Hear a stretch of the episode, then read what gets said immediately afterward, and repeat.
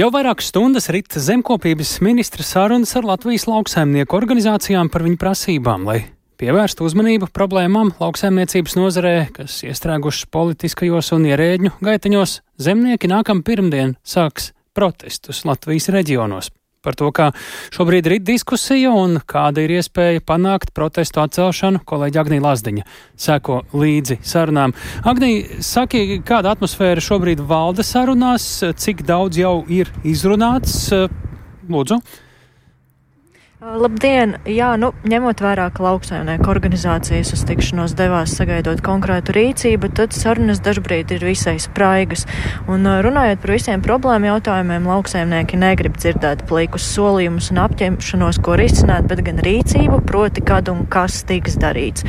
Un pēc šī brīža ilgajām sarunām gan rodas pārliecība, ka pirmdiena protesti būs, un to arī pa laikam diskusijās pauž paši lauksaimnieki, norādot, ka kamēr ministrija meklēs risinājumu, jautājumus. Lauksaimnieki pirmdien darīs savus darbus, jeb dosies protestēt.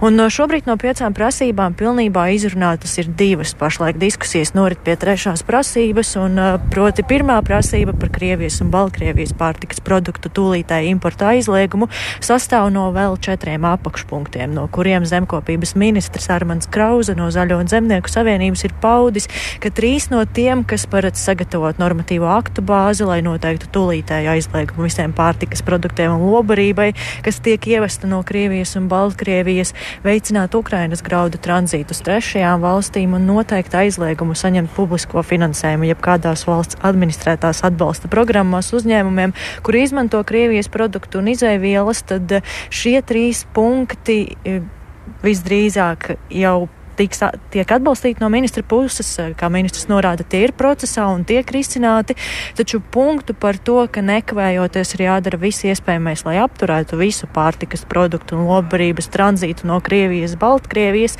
ministrs gan nesola, jo tas esot sarežģīts jautājums, kas nav līdz galam zemkopības ministrijas kompetencē. Otrajā prasībā, kas ir par 5% PVN atjaunošanu Latvijai raksturīgajiem augļiem, ogām, dārzņiem, tostarp veicinot nozaru konkurētspēju, spēju. Ministrs atzina, ka samazinātajai likmei jābūt pārtikai un ēdināšanai. Un, uh, Un, ja viņam būtu iespējas lemt vienam pašam, tad to darīt uzreiz, bet tas ir arī valdības jautājums. Bet uh, kopumā otrā prasība no zemkopības ministrijas puses tiek atbalstīta, un ministrs sola, ka darbība šī jautājuma risināšanā ir uzsākta un arī turpināsies.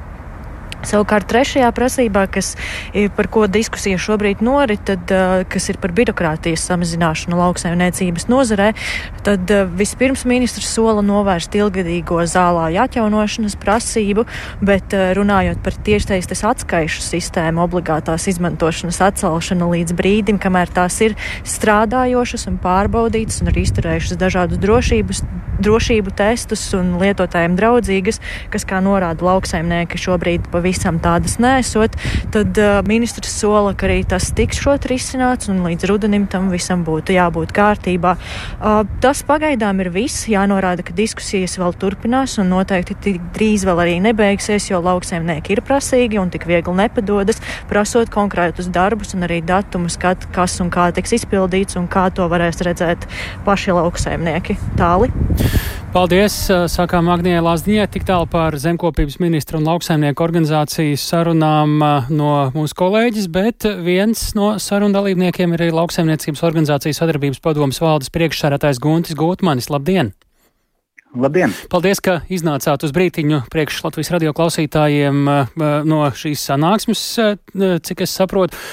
Kā jūs teiktu, kādas ir tieši jūsu pārstāvētās organizācijas kāda ir nostāja attiecībā uz zemnieku prasībām? Pilnīgi to, ko visu tagad kolēģi stāstīja, pievienojaties, vai ir tomēr atšķirības tajā, ko vieni vai citi zemnieki prasa? Ja, nu mūsu tā, tā organizācijas nostāja, ko mēs esam izrunājuši mūsu biedru starpā, ir tāda, ka mēs vairāk gribētu koncentrēties uz tādu uh, konstruktīvu diskusiju un uz rezultātu un panākt konkrētas lietas un konkrētas rezultātus. Un tāpēc mēs savus biedrus neaicinām piedalīties šajās protesta akcijās, bet viņi arī daļa piedalīsies un būs un ņems dalību šajās akcijās. Bet tas, ko es gribu uzsvērt, kas manuprāt ir varbūt pietrūcis ministrijā un kas ir ļoti labi šobrīd, ir šādas tikšanās, manuprāt, būtu jābūt viņām nu, nezinu, reizi mēnesī, reizi divos mēnešos, un tas uh, daudz vieglāk atvieglot mums dzīvi. Un jāsaka, tā diskusija, kas šodien ir, kā jau jūs kolēģi minēja, konstruktīva pa vairākiem uh, punktiem cauri visiem izdiskutējot, ko mēs varam izdarīt, ko nevaram. Uh, tas ir tas, kādam ir jābūt rezultātam un kā ir jāstrādā mums visiem kopā. Ir lietas, kurās uh, mums lauksaimniekiem vienkārši ir lielāka pieredze ikdienas darbā strādājot.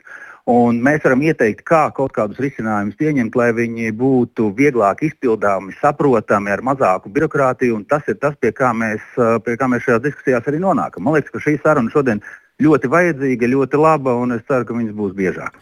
Tad prasībām pēc būtības jūs piekrītat visām? Uh, šīs prasības uh, nav no gaisa nokritušas. Viņas skar visus lauksaimniekus ikdienā, katru dienu. Jautājums ir, kā mēs viņus risinām. Tas, ko mēs dzirdējām no ministra, ka viņš ir apņēmības pilns izdarīt visas tās lietas, kas ir viņa kompetencē, un mums droši vien būs jāiet palīgā ministram tās, tos jautājumus risināt, kas ir citu ministriju un valdības kopumā kompetencē. Šobrīd, kā jūs teiktu, kurš ir sarežģītākie brīži šajās sarunās, un kurus jautājumus būs, ar kuriem jautājumiem būs visgrūtāk, lai panāktu kaut kādu vienotu izpratni?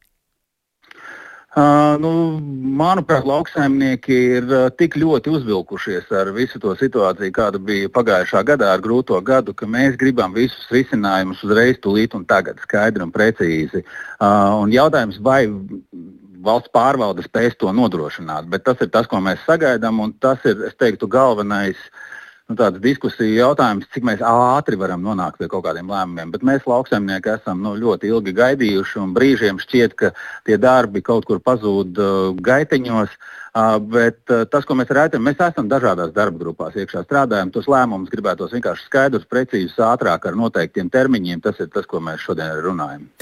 Tad, klausoties jūsu sacītajā, ja tas būtu no jums atkarīgs, uh, pirmdien protesti nebūtu, bet uh, skatoties kolēģu retorikā jūs redzat, ka uh, neizdosies vienoties tik tālu ar ministru par, par šiem punktiem, lai protesti nenotiktu, un tie pirmdienas ticamāk tad ir, ja? Uh, nu, diskusija, es teiktu, vēl ne tuvu nav noslēgusies. Mēs vēl visus jautājumus neesam izskatījuši. Skatīsimies, kā mums sarunas beigsies. Bet nu, šobrīd tas, ko mēs redzam, ka no ministrijas puses izpratne ir, darbi tiek darīti. Jautājums ir, kā mēs vienosimies par cik precīzu izpildi, kā mēs tos rezultātus, kas ir ko ministrs ir solījis. Redzēsim, kā viņi tiek īstenot dzīvē, un nu, skatīsimies, kā mums šī saruna noslēgsies. Paldies, sakām Guntiem Gutmanim, lauksaimniecības organizācijas sadarbības padomes valdes priekšsēdētājiem. Tātad joprojām, nu jau vairākas stundas redzējām kopības ministra sarunas ar Latvijas lauksaimnieku organizācijām par viņu prasībām, gan attiecībā uz pārtiks importu no agresoru valstīm, gan nodokli, pievienotās vērtības nodokli dārziņiem un augļiem, gan arī birokrātijas mazināšanu.